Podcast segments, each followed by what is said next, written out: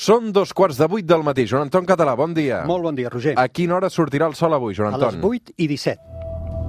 3, 2, 1, seganya!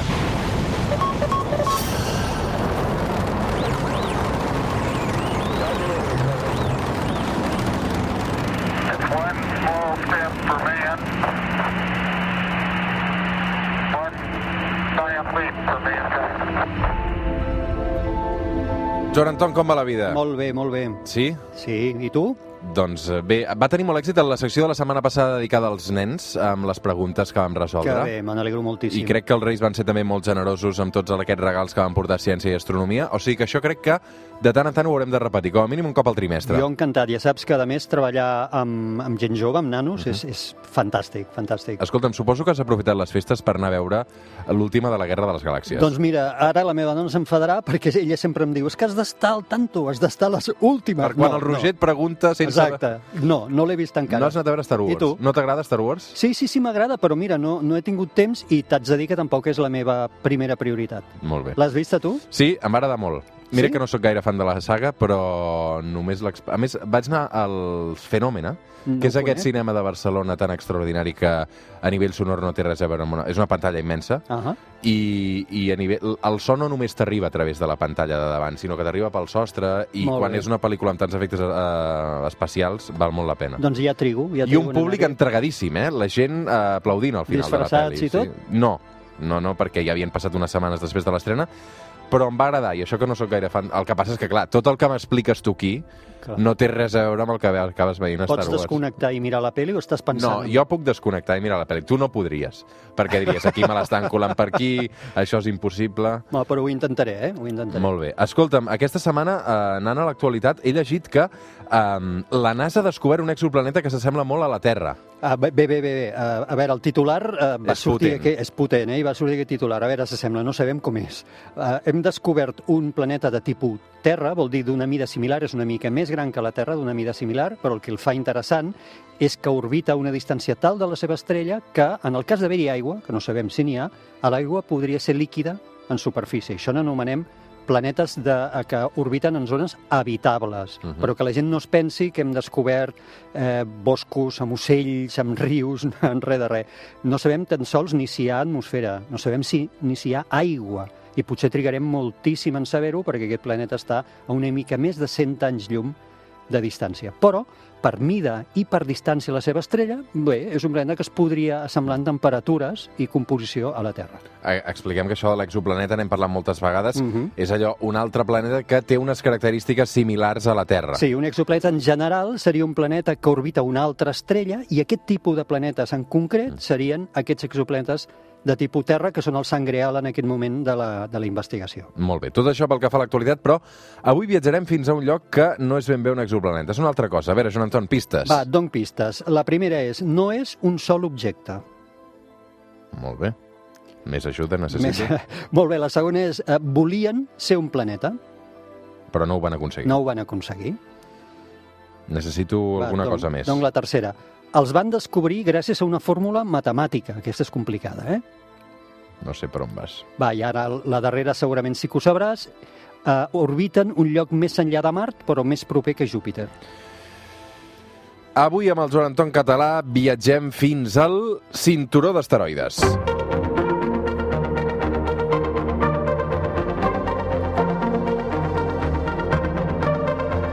Som al Suplement, som a Catalunya Ràdio, cada diumenge a l'hora que surt el sol, la Terra es plana, aquest espai de ciència, d'astronomia, avui amb un capítol dedicat al cinturó d'asteroides.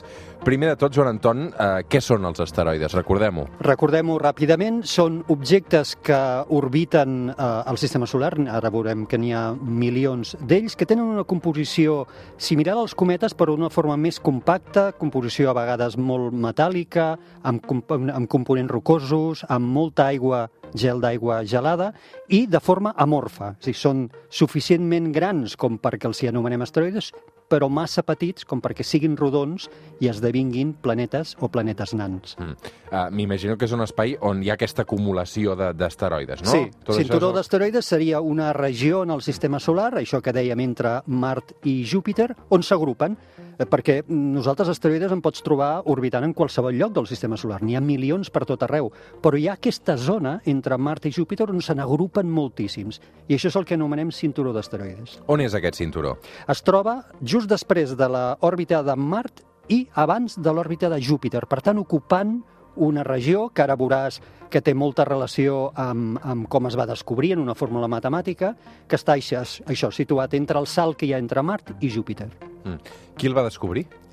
A veure, ens hem de remuntar a, ja al segle XVI. Kepler se'n va donar compte que hi havia massa distància entre l'òrbita de Mart i la de Júpiter. Comparant les òrbites dels planetes va veure que la distància era massa gran i ell va predir que possiblement hi hauria un planeta no descobert encara entre Mart i Júpiter. Més tard, ja al segle següent, al segle XVII, eh, i 18 especialment, va haver eh, uns matemàtics, astrònoms matemàtics, que van derivar una fórmula curiosíssima, que es diu fórmula de Titius-Bode, que es va creure que podia predir exactament a on són els planetes i que aquí faltava un planeta. Explico molt ràpidament la fórmula perquè és superinteressant. És una seqüència que comença pel número 0, després va al 3 i a partir d'aquí ja multipliques dobles cada cop. Per tant, 0, 3, 6, 12, 24, 48... Li sumes 4 i la divideixes per 10 i et dona la distància dels planetes en el Sol respecte a la distància a la Terra. Per exemple, Mercuri, que és el primer planeta, és el número 0. 4 més 0, 4, dividit per 10, 0.4. Doncs 0,4 és la distància més o menys justa que hi ha entre Mercuri i el Sol comparat a la distància Terra-Sol. 0,4 vegades la distància Terra-Sol.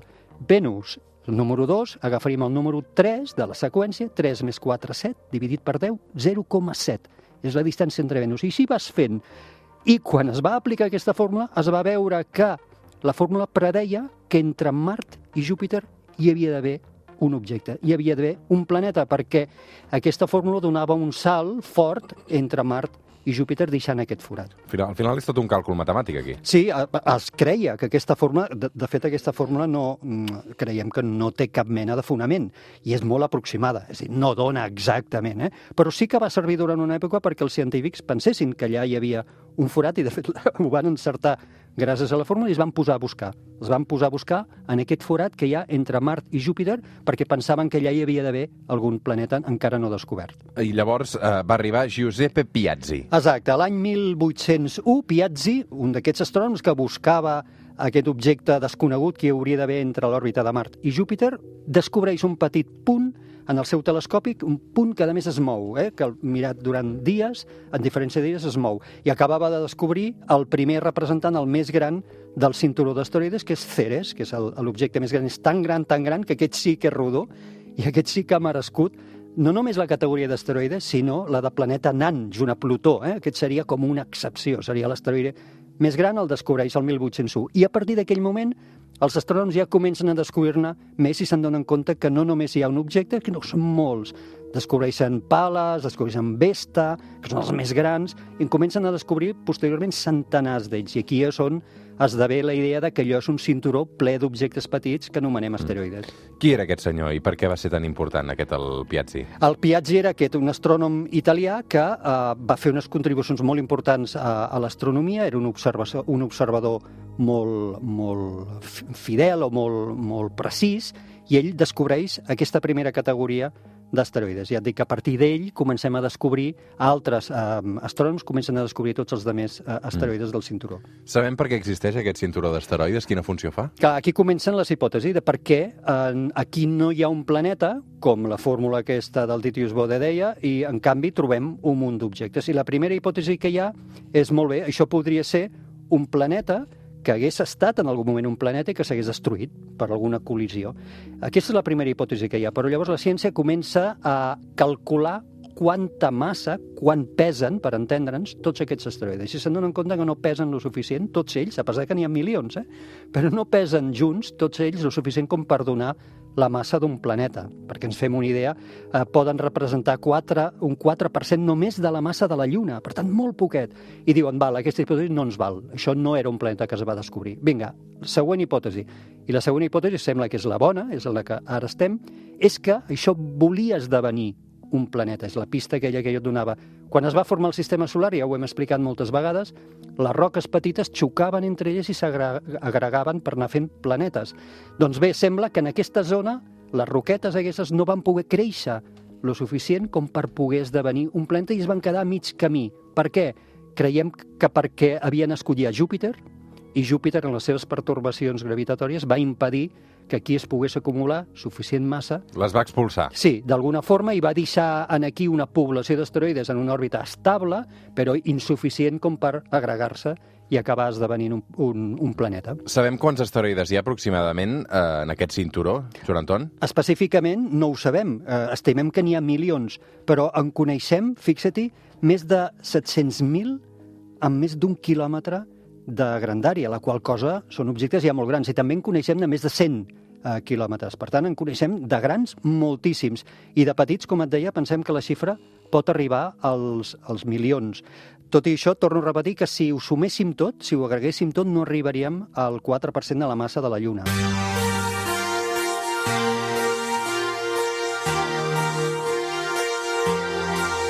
Clar, Joan Anton, amb tot aquest dibuix que m'estàs fent, torno al principi, no? Perquè em fa pensar també en algun moment en pel·lícules com, com, com Star Wars, en què es veuen eh, naus que naveguen per un cinturó eh, d'asteroides precisament que les han d'anar esquivant. Sí. Eh, podria ser una mica així, això? No, no és gens ah. així, no és gens així. Perquè, clar, la primera idea que et ve al cap és, ostres, el Joan Anton està dient que n'hi ha milions en aquest cinturó d'asteroides, per tant, és una mica la, la imatge de la nau que ha d'anar eh, esquivant, no? No, perquè la regió és tan immensa, en tres, vista en tres dimensions, dimensions és tan immensa que els objectes, a pesar de ser milions, estan molt separats. L'estimació que hi ha eh, es calcula que entre dos objectes qualsevol del cinturó d'asteroides els pot separar més d'un milió de quilòmetres. Això és com quasi tres vegades la distància que hi ha eh, entre la Terra i la Lluna. Per tant, la probabilitat de que tu llencessis un, un objecte que travessés el cinturó d'asteroides i toqués, xoqués contra un asteroide és mínima. De fet, estem cansats, entre cometes, d'enviar naus cap a les parts externes del sistema solar que no pateixen cap mena d'efecte per travessar aquest cinturó d'asteroides. Joan Antoni, hi ha zones en aquest cinturó on no hi hagi cap asteroide? Sí, és curiosíssim. Uh, jo ara demano que fem un exercici d'imaginació i pensem en aquest cinturó d'asteroides, que és una zona molt ampla del sistema solar, tota plena, com dèiem, de, milers, de milions d'objectes. Doncs hi ha com uns anells a on no hi ha pràcticament cap objecte, és com uns buits dintre d'aquesta regió. Això es coneix com a cinturons de Kirkwood, amb, amb, amb, commemorant, diríem, un gran astrònom del segle XIX, el Daniel Kirkwood, que va eh, explicar per què existien aquests forats. I aquests espais són zones on la pertorbació de Júpiter és tan important que fa que en aquestes zones en concret sigui molt inestable habitar. I els asteroides que ocupaven aquestes zones, que s'anomenen zones en resonància a Júpiter, que orbiten fent com uns múltiples de l'òrbita de Júpiter, i això seria ara molt complicat d'explicar, però són zones pertorbades per Júpiter on s'expulsen els asteroides al llarg de milions d'anys i queden com forats. Llavors, el cinturó d'asteroides té aquests forats perfectament descrits en múltiples sencers ressonants amb l'òrbita de Júpiter. I això s'anomenen cinturós o zones de Kirkwood. Efecte Yarkovsky. Què és clar, això? Clar, ens està servint això dels asteroides per explicar coses molt interessants. L'efecte Yarkovsky és un, un efecte molt petit que es produeix sobre objectes eh, relativament peques del sistema solar quan la llum del Sol incideix en una de les cares de l'objecte, la escalfa, i llavors quan aquest objecte gira i aquesta cara escalfada eh, deix de mirar al Sol, eh, expulsa tota aquesta calor a l'espai. Això li produeix una, una, uns efectes orbitals que el desvien una mica de la seva òrbita. Clar, si això li passa en un objecte de molta massa, és irrellevant absolutament, però en eh, asteroides és molt rellevant, perquè són objectes, com explicàvem, amorfos i en relativa poca massa, i aquest efecte Yarkovsky els pot acabar desviant de les seves òrbites. Per tant, és un efecte, com et deia, que té a veure amb com es van modificant al llarg dels milions d'anys les òrbites dels asteroides. Joan Anton, els asteroides es poden classificar d'alguna manera? Eh, podem dir que hi ha diferents tipus? Sí, ho hem fet, ho hem fet així, ho hem fet en base a la seva composició. I bàsicament, així, a, gran, a grans trets, en tenim de tres tipus. Els de tipus C, que vol dir carbonats, estan fets bàsicament per materials tipus carbonats. Els de tipus S, fets per silicats. I els de tipus M, bàsicament metàl·lics. I el que és molt interessant en aquí és veure que la distribució d'aquests eh, tipus, del C, de l'S i del M, tenen a veure amb com de lluny estan del Sol, a on estan dins d'aquest eh, cinturó d'asteroides. val? Per, i, per exemple, veiem que els que estan formats bàsicament per silicats són els que estan més a la part interior del cinturó. Els metàl·lics se situarien cap a la meitat del cinturó i els carbonats se situen cap a la part externa. I això té a veure en el moment de la formació del sistema solar amb com aquests eh, components, uns més densos, els altres més pesats, els altres amb més contingut d'aigua, es van anar distribuint al llarg d'aquest cinturó. Uh -huh. Tot això per què, per què passa, Joan Anton? Passa per això que dèiem de la composició diferent dels asteroides i dels materials que els formen. Per exemple, hem explicat alguna vegada que el sistema solar, quan es va formar, a l'aigua, els components més volàtils van ser desplaçats cap a la part més externa d'aquest gran disc que formaria el disc solar per la pressió, el vent solar. Doncs bé, eh, els tipus d'asteroides que contenen una mica més d'aigua, com són els carbonats, es troben a la part exterior. Per això que dèiem, eh? perquè el Sol va anar distribuint, la gravetat i la pressió del vent solar van anar distribuint tot aquest material. Mm. Els asteroides principals quins són? Ceres és el que hem explicat. Va ser el primer descobert per Piazzi, és el més gran, té 950 quilòmetres de, de diàmetre i, com deia abans, suficientment gran com perquè sigui rodó. Aquest no és amorf. I, per tant, li, li han canviat el nom, ja no és un asteroide, tot i que orbita el cinturó d'asteroides, i té dret a ser anomenat planeta nan, eh? igual que Plutó. Per tant, seria un exemple d'un planeta nan. L'any 2015, una sonda de la NASA, que es deia DO, uh, s'hi va posar en òrbita i el va estudiar. I d'aquí vam treure moltíssima informació de la composició d'aquest uh, planeta nan. Mm. Uh, I actualment uh, el que estem fent és estudiar aquests asteroides, sobretot del cinturó, no? Correcte, perquè ens poden donar moltíssima informació sobre com es va formar el sistema solar. Tot això que t'explicava de com es distribueixen els diferents tipus d'asteroides i la seva composició, ens donen molta informació de com eh, es va formar el sistema solar. Mm. Avui amb el Joan Anton Català a la Terra es plana hem volgut dedicar una bona estona a parlar d'aquests asteroides, eh, precisament perquè ens doni informació sobre eh, la formació d'on venim tots plegats, no? Exacte, de com es va formar el sistema solar, com es, fins i tot com, es va, com va esdevenir la Terra, eh? mm. perquè la Terra, després de que es formés, ha estat molt processada, en diem, ha rebut impactes, tal. però els asteroides han estat molt poc processats. Si tu estudies un asteroide, tens molts números de que sigui idèntic a com en el moment en què es va formar. Joan Anton, anem acabant. Què hi passarà aquesta setmana al cel? Seguim tenint Venus brillantíssim a la posta de sol. La gent ho està piulant per xarxes perquè veuen un objecte superbrillant. És la primera estrella, entre cometes, que surt al vespre sobre l'horitzó oest. I Venus cada dia brillarà més. I la notícia així més rellevant és que a poc a poc Mart comença a aixecar-se per l'horitzó est de matinada. Per què és important això? Perquè aquest serà l'any de Mart. Aquest és l'any de Mart. A l'octubre el tindrem perfecte en el cel brillantíssim i sobretot ens donarà moltes notícies a partir de juliol, quan marxin cap allà tres nous robots biòlegs. Mm -hmm. Joan Anton, fantàstic, moltes gràcies. Gràcies a tu, com sempre. Fem una pausa i de seguida tornem. Joan Anton, una abraçada. Igualment.